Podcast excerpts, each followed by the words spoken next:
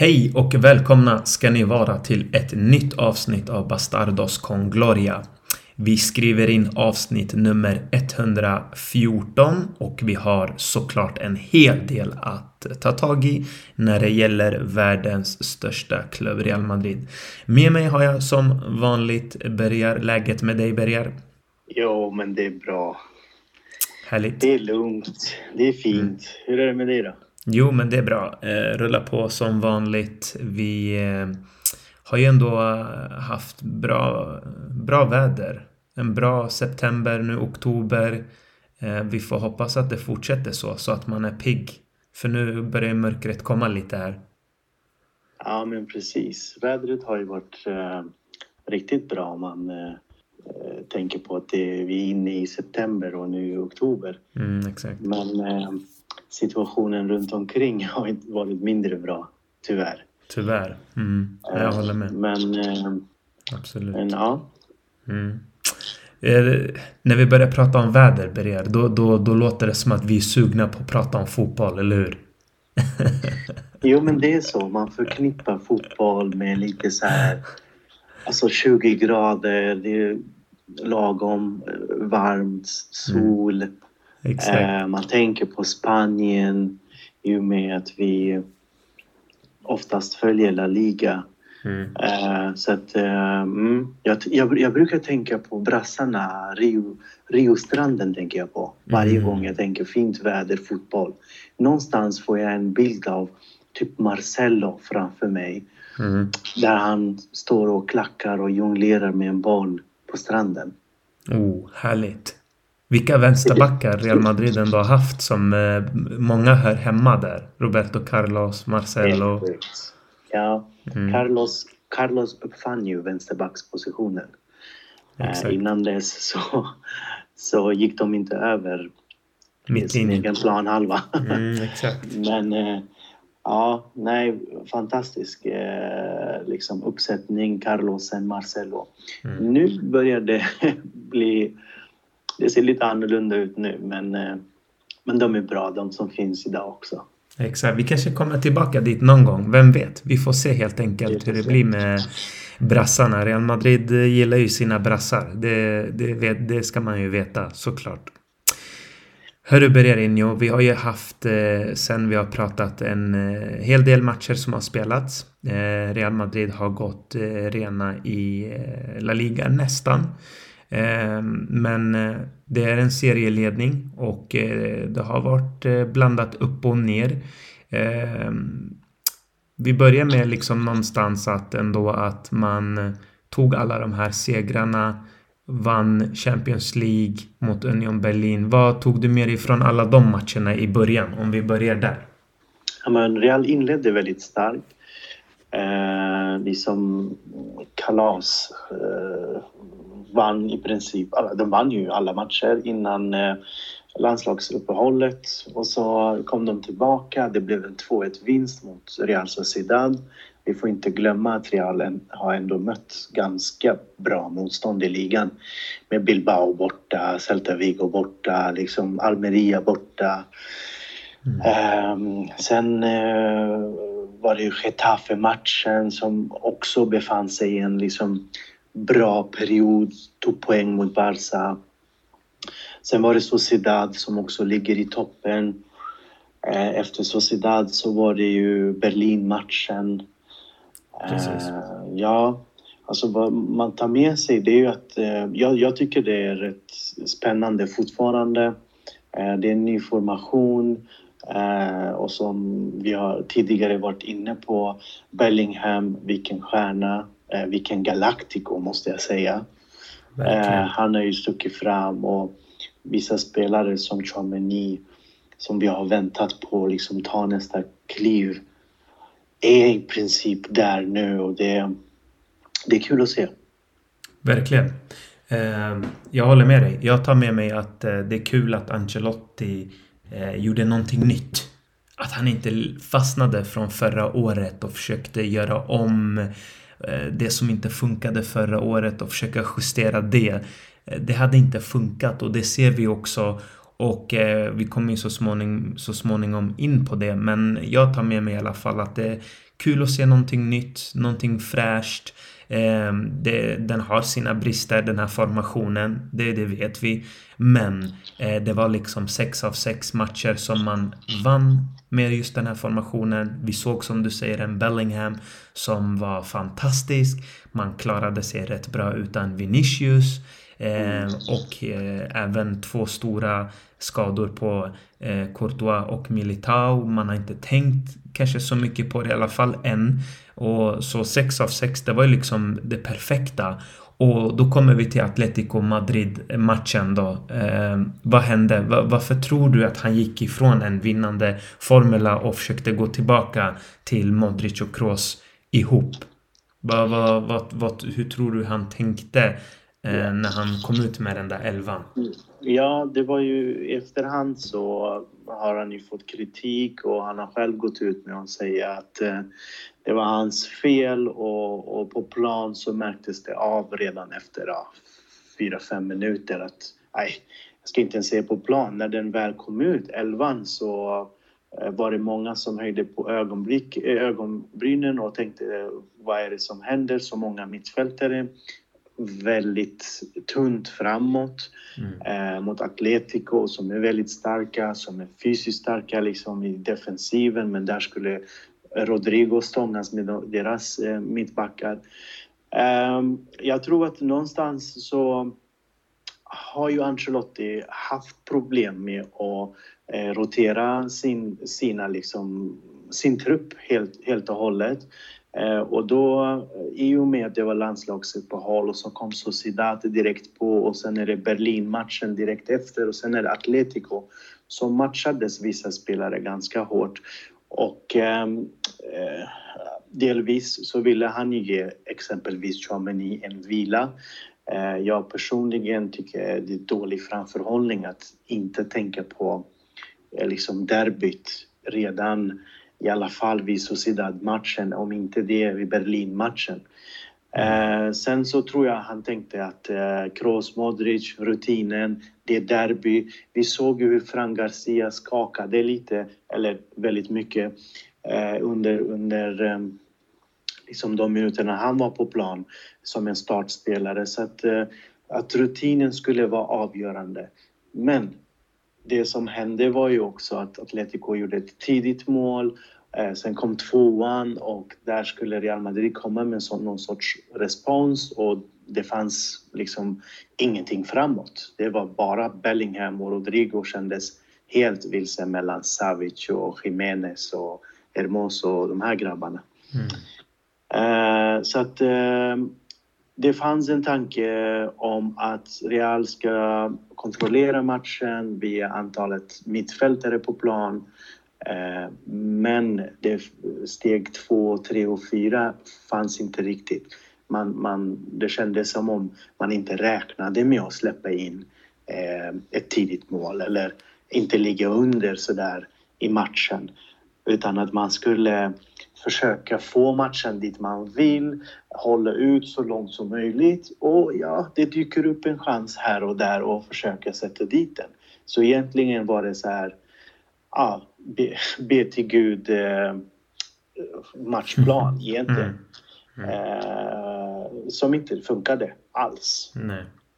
Nej, exakt. Jag, faktiskt, när jag såg formationen så skrev jag ju till dig att ja, men jag gillar den. Jag, jag, eh, jag tänker att han vill ligga lågt och eh, använda lite det Atletico gör mot andra lag. Lite liksom, här får ni smaka på lite er egen medicin.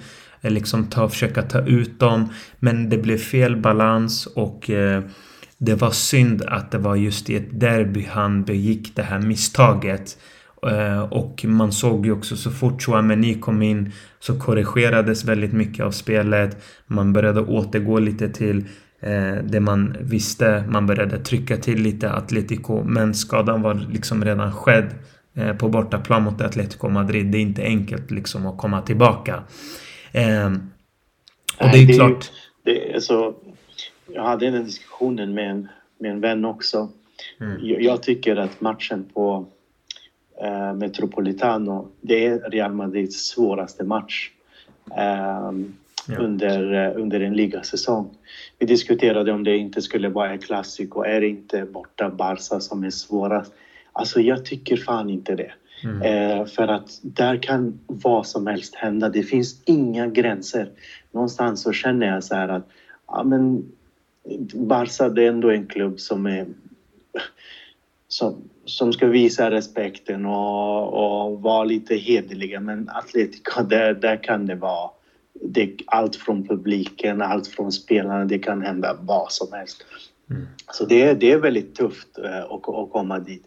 Sen har Ancelotti haft, tyvärr, tyvärr för hans del, uh, han har ju haft, han brukar ha någon sån här ett par sådana matcher per säsong. Han hade den matchen i El Clasico där han startade med Modric som, som falsk nia och det gick åt mm. helvete. Och ja. så eh, City-matchen förra säsongen, returen där han ah, ja. bänkade Rudiger och ingen Chouameni och liksom hade någon fantasiuppställning på plan. Eh, och sen var det det här nu mot Atletico.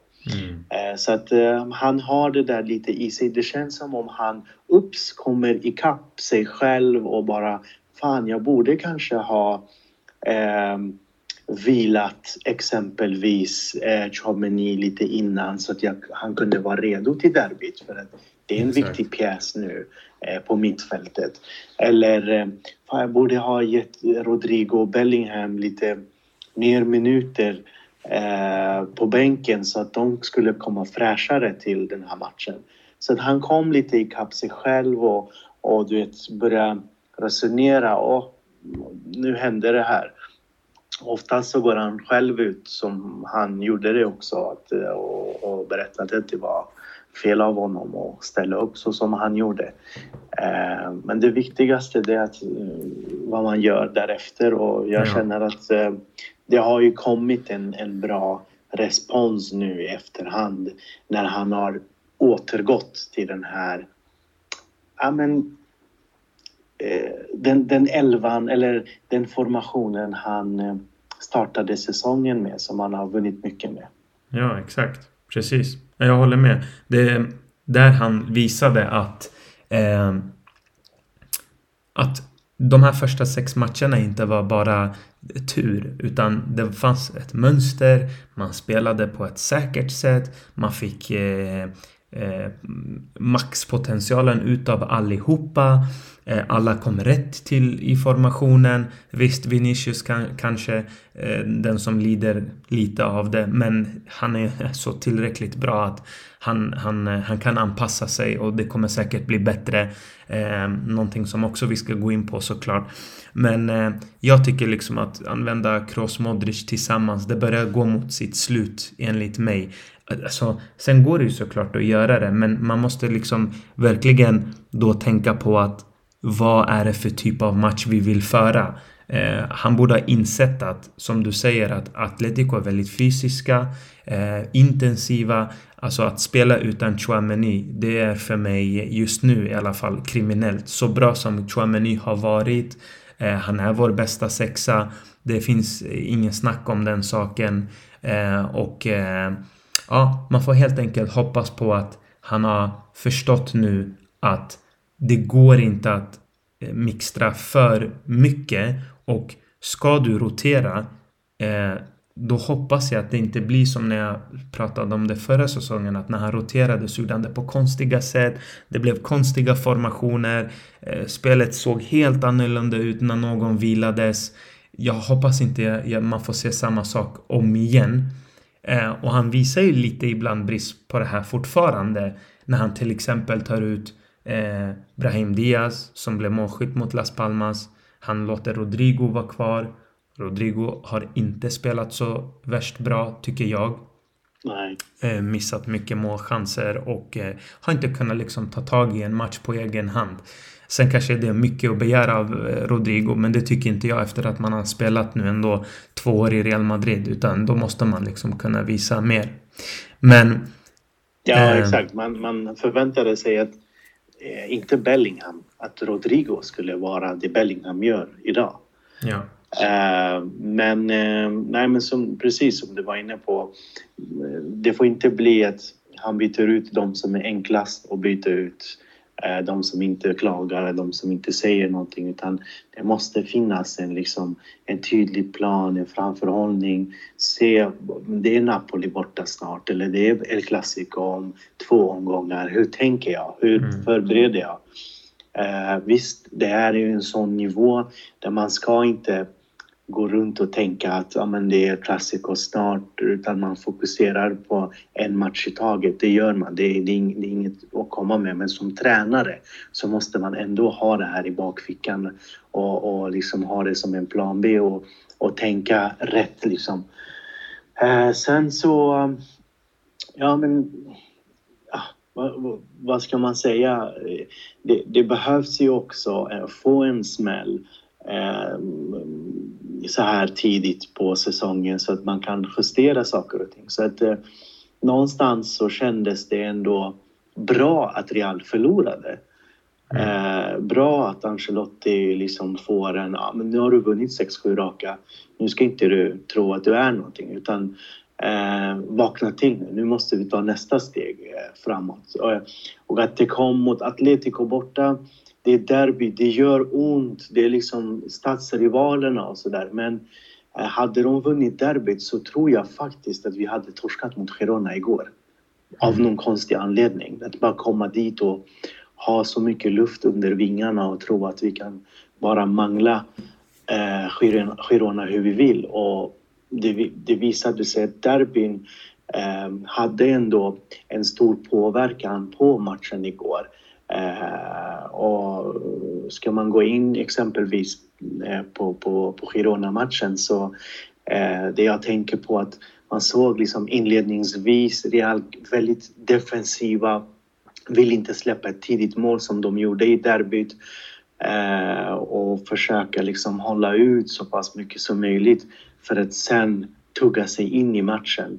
Eh, så att det, det drogs visst en lärdom av eh, Atletico-matchen och, eh, och eh, fem, fem gjorda mål och noll eh, insläppta på eh, två matcher efter eh, eh, El Derby Madrileño mm. är ju liksom gott tecken om man säger så. Mm. Absolut, jag håller med. Det var bra reaktion. Eh, I alla fall mot Girona. Eh, Las Palmas match. Jag tyckte det bara var så tråkig men... Eh, det var, det var Herregud. Sömnpiller.se. Men det ja. var i alla fall kul att se att man vann mot Girona och som sagt. Han har en formula nu. Håll dig till den. Ska du ändra i den, ändra en, två spelare här och där men gör inte så att det blir någon eh, kalibalik, någon cirkus. Börja inte ändra om formationer. Eh, utan eh, han gick tillbaka till det han visste bäst. Chouameni, dominant. Älskar honom. Eh, ja. Bellingham och eh, Vinicius. Den från Girona tar jag med mig det. Alltså kombinationsspelet mellan Bellingham och Vinicius. Tänk nu när Vinicius eh, inte gasar. Alltså att han inte blir trött ja. efter 70. Utan att han fortsätter mangla på. Han och Bellingham tillsammans. De kombinationerna, de två ihop. Det kommer vara, alltså, det kommer vara svårt att stoppa. Eh, så mot Girona så vill jag verkligen lyfta fram Chouameni och kombinationsspelet mellan Bellingham och Vinicius. Det var fantastiskt att se på de två tillsammans. Eh, eh, väldigt kul att se. Sen är ju frågan, det är ju så här, kommer den här formationen att kunna klara sig säsongen ut? Det återstår lite att se. Det beror på lite skador. Det beror på lite vilka lag såklart man alltid möter. Så är det ju. Vi har ju tillräckligt bra med kvalitet. Eh, jag personligen eh, tror att det hade varit bra om Ancelotti kunde ha fått till en till plan som funkar bra. För det är inte alltid så att kanske Bellingham kan spela. Om Bellingham åker på en skada, då tappar man ju någon där. Eh, eller om eh, vi säger att Valverde åker på en skada, då måste man ändra lite om där. Så jag hade gärna velat se från Ancelotti framöver någon slags flexibilitet, någon slags eh, rollfördelning där spelarna vet exakt vad de ska göra Även om man ändrar lite på formationen. Att det inte bara blir att man blir låst vid formationer. Alltså vi får inte glömma bort. Formationer, det är siffror enligt mig. Visst, ja. det, det, det är ett sätt att spela på.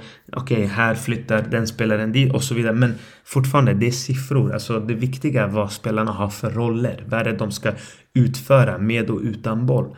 Och för mig om det ska bli liksom titlar och om vi ska prata om liksom att eh, Real Madrid ska kunna nå långt i Champions League och så vidare.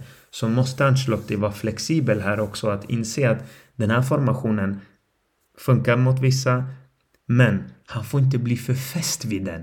Och det är det som är Ancelottis problem. När han gillar någonting, han går in i det så pass mycket att det blir lättläst till slut. Efter halva säsongen kommer de här lagen ha fattat att okej, okay, vi raderar ut Bellingham eller vi raderar ut den här ytan för Real Madrid. Då har vi vunnit mycket mot dem. Och det är där jag vill inte att han ska hamna. För att det hände ju mot Barca förra säsongen. Han vann 4-0 mot Barca i Copa del Rey. Efter det, han vägrade släppa. Till och med när han visste att han mötte Manchester City på bortaplan. Han vägrade spela Kamavinga eller eh, Chouameni och de här grabbarna. Liksom, det gick för långt för honom. Alltså, och då går han på det han tycker är säkrast. Och det är Kroos och Modric. Men Kroos och Modric, ett, är inte vad de var tillsammans såklart. Men mm. också andra har redan läst det där. Alltså det är redan läst. Så då måste man hitta någonting nytt. Vad säger du Bererinho? Ja men det, det, så är det definitivt. Och ehm, eh, jag tycker att eh, de, de viktiga pelarna i den här formationen Mm. Eh, om, vi, om vi självklart snackar ytterbackarna och mittbacksparet, det måste verkligen sitta för att liksom eh, få kontinuitet eh, i, i samarbetet mellan mitt, eh, mittbackarna. Eh, men eh, en pelare i Chameni som vi har pratat om, han, har ju, han är ju den spelaren som har ersatt Casimiro. Och eh, den här säsongen, de här inledningsvis den här säsongen så har han faktiskt tagit det här steget man väntade på. Eh, han har startat lika starkt så som han startade förra säsongen. Han avslutade den tyvärr svagt men eh, det hände mycket och det var VM och det ena och det andra. Men nu har han fått den rollen. Så han är, han är vår Casimiro och man såg det igår på fasta situationer. Han är där och gör poäng också. Så den där ska man inte röra. Den den är helig. Ja. Sen har du nästa position och det är Bellingham-rollen. Och Bellingham-rollen, i den rollen som Bellingham har fått, han har ju liksom väckt liv i tian. Eh, som Messi dödade. Nej, jag ska bara. Eh, han har ju väckt liv i den där nummer 10-rollen igen. Men det får inte bli att han ska vara nummer 10, han ska vara nummer 8, han ska vara nummer 9 och, och liksom eh, gärna nummer 11 och lite nummer sju. Mm. För att det, det, var ju det som gjorde att det gick så himla dåligt mot Atletico Madrid. Eh, istället så är det viktigt att Bellingham har Vinicius, har definitivt Joselu eh, som en, en, spelare framför sig. Mm. För då kan Bellingham fokusera på offensiven, defensiven. Han kan vara fri, han kan löpa in och komma på de här ytorna som han har gjort det så bra nu inledningsvis. Men så fort du tar bort Joselu exempelvis, som är nia. Eh, jag tycker Rodrigo har varit för svag för att nämna honom och ha honom som en start. Så jag, jag vill gärna ha kvar Joselu som... Eh, Vilken som start av Joselu alltså. Galet. Ja, ja, verkligen. Och han förtjänar att få fortsätta. Mm -hmm. för att har du honom då är det mycket fokus på att du har en targetspelare, du har en nia som är vass i straffområdet, en boxspelare. Så får ju Bellingham komma på de här ytorna bakom, framför, mellan som är svåra att fånga upp. Men tar du bort Joselu i den här elvan, då är ju all fokus på Bellingham så du dödar ju hans roll helt och hållet. Och då blir ju Vinicius också lidande som är van att spela med en nia. Som är van att, du var inne på kombinationsspelet, som är van att kombinera med, med, med en eh, liksom stabil eh, anfallare eller, eller i det här fallet en Bellingham. Då. Så att eh, det får inte bli så att du tar bort viktiga liksom, pelare i startuppställningen för att rotera och tro att en Modric skulle kunna lösa det här eller en Rodrigo skulle kunna öppna upp. Nej. Så att just den här formationen som Real har börjat med, där är Chomeny, där är Bellingham och där är Joselu för mig jätteviktiga. Sen har Vinicius inte riktigt kommit igång så jag kan säga så här, om det är Vinicius eller Rodrigo på vänsterkanten just nu spelar inte så stor roll men jag är jätteglad att vi har Vinicius för att när han väl kommer igång och när han väl hittar rätt eh, så kommer han bli värdefull och den bästa spelaren i, i, i laget. Eh, sen har du eh, eh, Valverde och vi har eh, haft Kamavinga mm. många gånger. Och just den här trion Chouameni, Valverde, Kamavinga det har ju varit en, liksom, en, en framgångsrik formula. Vi har ju vunnit, vi vann ju alla de här inledande matcherna med just de här tre. Och så fort Modric och Kroos kom in och blev det förlust. Jag vill inte riktigt skylla på att det var, det, att det var Kroos och Modric. Eh, som gjorde att vi torskade mot Atletico utan det var det hela. Du tog bort viktiga aspekter från Reals eh, formation som gjorde att vi, vi tappade det hela.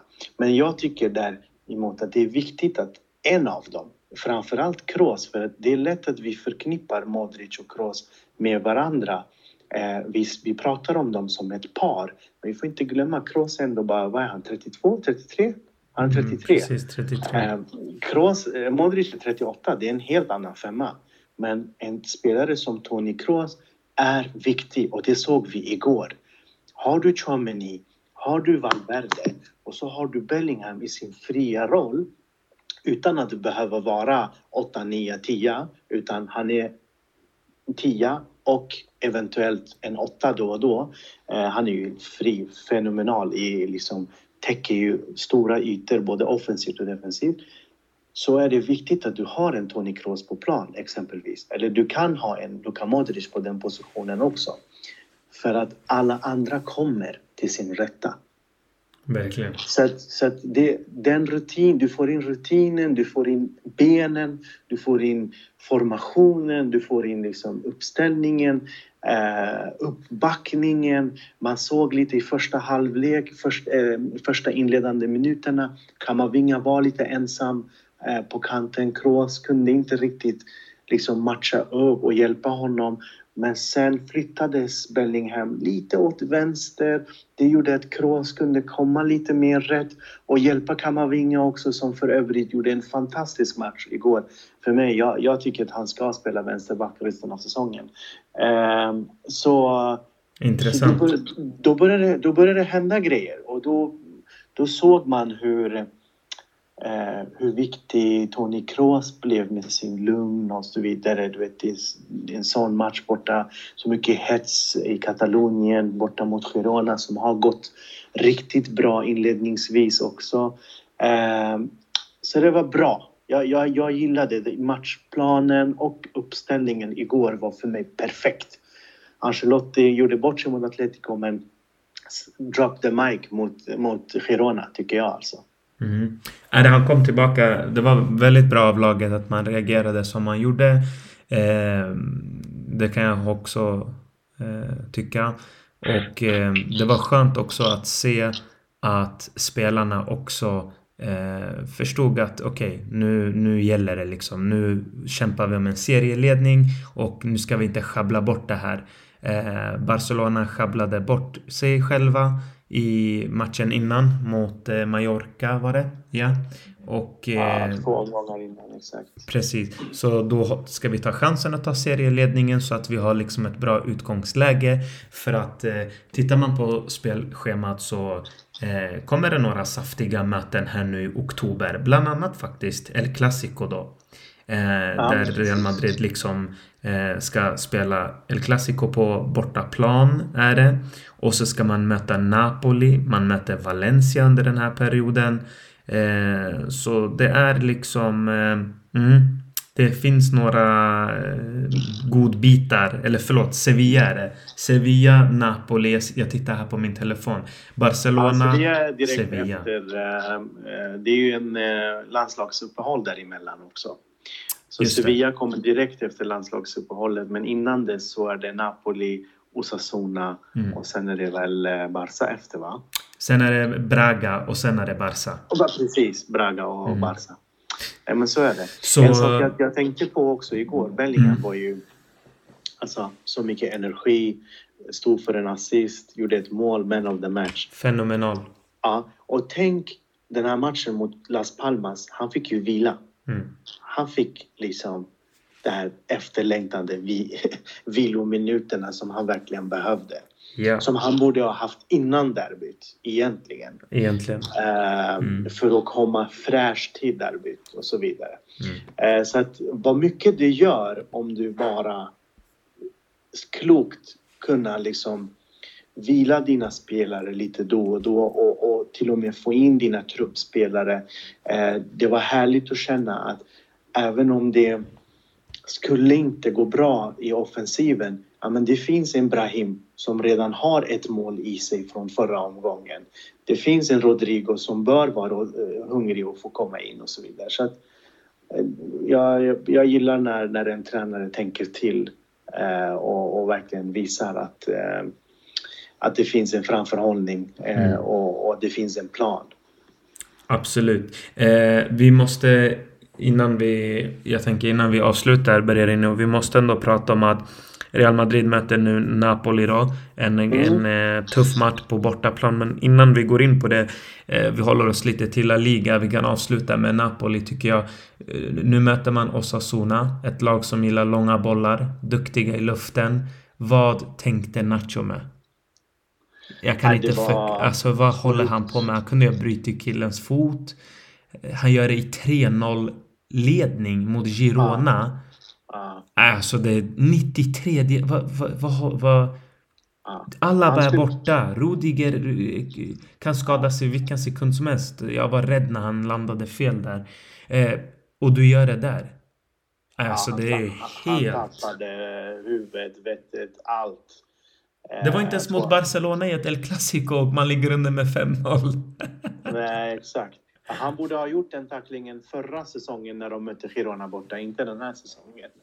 Eh, ja, nu, vi, vi, vi menar inte att man ska skada nu så att ingen nej, lyssnare menar, tror att vi precis. menar det. Utan eh, menar bara... Nej, det var det, var, det, det var det sura med det hela. Mm. Alltså man bara, vänta nu. Vad var det? Är det sist, var det minut 90? 94, 93 ah. och några minuter. Ja.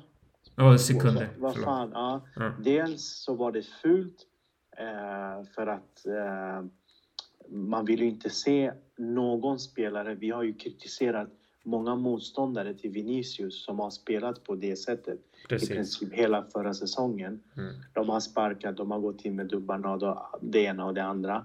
Mm. Eh, och vi har liksom ropat och skrikit och pekat finger och sagt massa saker åt de spelarna och så ser vi en egen spelare göra det där. Det, det var verkligen smärtsamt. Mm, verkligen. Eh, och Nacho också som brukar vara ändå en... Eh, Sansad alltså typ. Ja men, ja men precis. Eh, rätt så lugn och fin grabb sådär.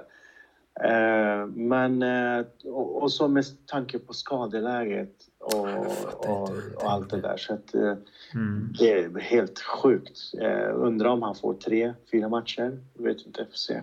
Ja, jag tror, det, jag tror att han kan få fem faktiskt till och med. Mm. Alltså det beror lite på men det som, eh, det som är ändå väldigt onödigt det är att det är ganska många matcher. Det blir alltså utan Nachon antagligen nu då. Eh, och eh, om alla bara går sönder, han går ganska lätt sönder. Då måste mm. man helt plötsligt börja titta på Ferland Mendy som mittback. Eh, eventuellt. Mm, och det är ingen dum idé faktiskt. Och Nej. vid något tillfälle mm. så bör Ancelotti, typ en Las Palmas match så här mitt i veckan om man leder med två bollar, mm. att man testar lite andra Tror du han gör det mot Osasuna? det kan hända, absolut. Osasuna mm. dock, eh, de är tuff nöt att knäcka. Eh, men vi, vi liksom ledning på hemmaplan och om utrymme finns dels hade jag ju velat liksom att den här Castilla, någon av Castilla-spelarna fick eh, en roll Mm. där man vet att okej, är det någon som är borta då är det den spelaren som kliver in. Vi minns ju med Zidane, då var det den här Xavi Sanchez som kom in eller eh, vad heter han som eh, från Castilla som gick senare till Lazio. Eh, en mittback också. Nu kommer jag inte på hans Marin, namn. inte Marin va? Eh, nej, ehm, Inte Marvin. Ja. Marvin var ju ytter. Nej. Eh, nej, jag minns inte riktigt. Ma- Mario, Mario Gila, eller Mario Gila heter han någonting. Ja. Ja. Eh, då visste man att det, det fanns två spelare i Castilla, Real Madrid Castilla, liksom B-laget, att de kliver in. Mm. Eh, och just nu vet jag inte, vem är det? Vem, vem är det tänkt? Jag ser olika namn från B-laget, från U19 som tränar med A-truppen, som är uttagna i liksom, eh, matchtruppen och sådär. Men det är ingen som riktigt har fått den rollen. Eh, Så jag vill ju verkligen att en Marvel som det var tänkt att han skulle ta, ta, ta den rollen när, när Militao gick sönder. Eh, Så att han får några minuter också. Kom, känn, känn på det här. Man vet aldrig. Nej. Jag tror Eh, att han så kör med gärna- Mendy. ja. Jag är ganska säker på att han kör med Mendy. Och säkrar upp det. Och Alaba. Alltså om inte Alaba är skadad då, Ja. då blir det Alaba såklart. Ja. Ehm, men det ska bli väldigt intressant i alla fall att se hur det påverkar Real Madrid och vi får ju hoppas då att det inte påverkar allt för mycket utan att eh, offensiven leder det och att vi har den här stabiliteten och tryggheten som du pratade om. Eh, Bererino avslutningsvis. Eh, Napoli, vad förväntar du av den matchen? Bortaplan. Tufft och alltid att möta Napoli på bortaplan med Osimhen i spetsen. Ja, med Osimhen, med Politano, med Zelensky, med Kvara. Mm. Eh, det är en eh, kvartett som är, eh, som är vassa. Napoli kanske inte börjat den här säsongen helt perfekt. Men man ligger och nosar bakom Inter. Eh, man får med sig en 0-4 seger nu senast eh, och har, jag tror, tre, fyra raka segrar. Slog Braga i, i första omgången eh, där Braga reducerade eller kvitterade i, i, i slutminuterna men Napoli lyckades ändå få in ett 2-1 mål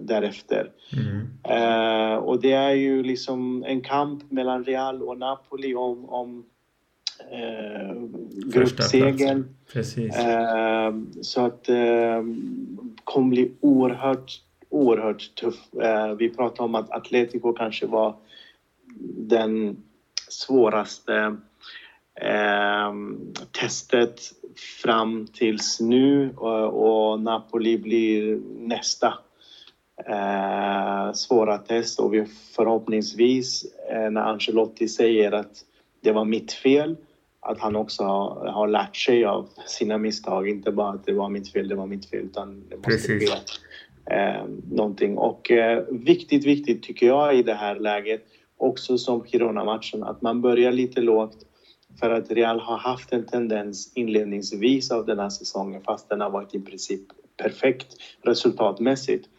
eh, så har man släppt till mål tidigt. Tidig underläge i princip varje match förutom de här två senaste och eh, Berlin-matchen.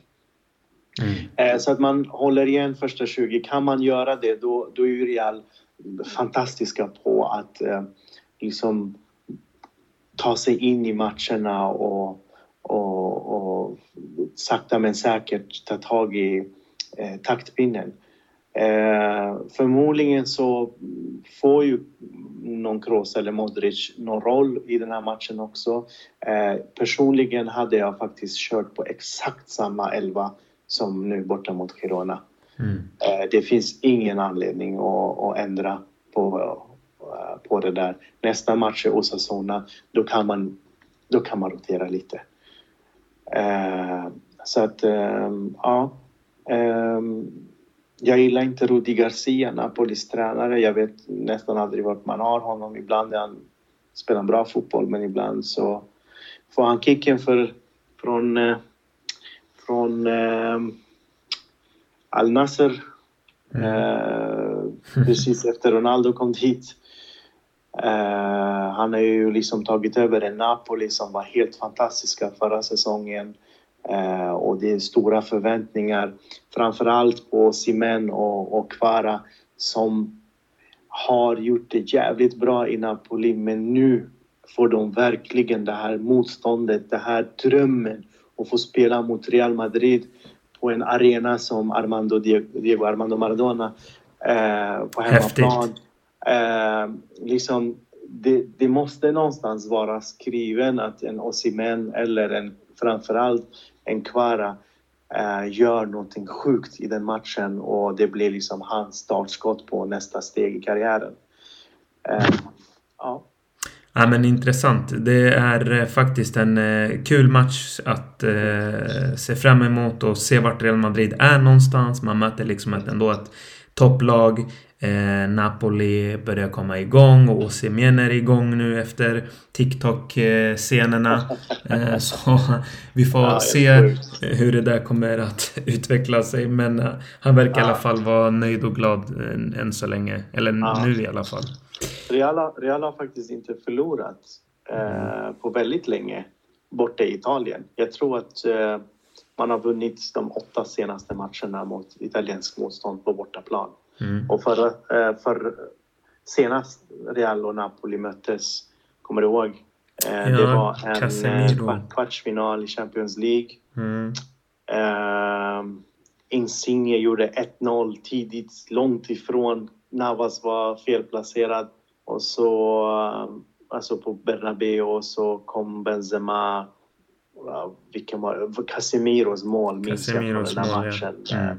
Sen vann Real borta eh, Eh, också. Så att eh, ja, Real Madrids enorma historia i den här tävlingen, det går inte att underskatta. Eh, man räknar bort dem många gånger i Champions League och med just den här nya formationen och nya spelare och en Joselu som egentligen inte är en Haaland eller en Mbappé eller en Benzema. Eh, utan det är en vanlig La Liga-anfallare om man säger så. Precis. Eh, men, men man ska aldrig räkna bort Vårt Real Madrid. Eh, Real Madrid. Nej, precis. Och gud vad bra José har varit. Hörni, det här var eh, allt för oss den här gången. Vi har eh, sett fram emot det här avsnittet. Det var ett tag sedan vi höll igång men vi kommer lite då och då eh, och försöker alltid leverera avsnitt till er. Bererinho, tack för att du var med i det här avsnittet. Ja, men tack, tack själv. Och tack till alla som lyssnar. Vi hörs på återseende. Adios. Adios.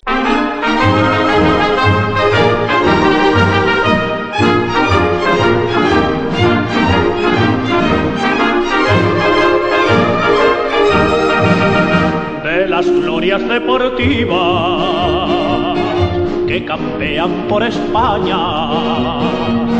Va el Madrid con su bandera, limpia y blanca que no empaña.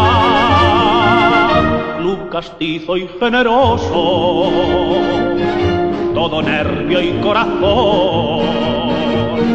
Veteranos y noveles, veteranos y noveles miran siempre sus laureles con respeto y emoción a la Madrid, a la Madrid, noble y bélico Adalid, caballero del honor. A la Madrid, a la Madrid.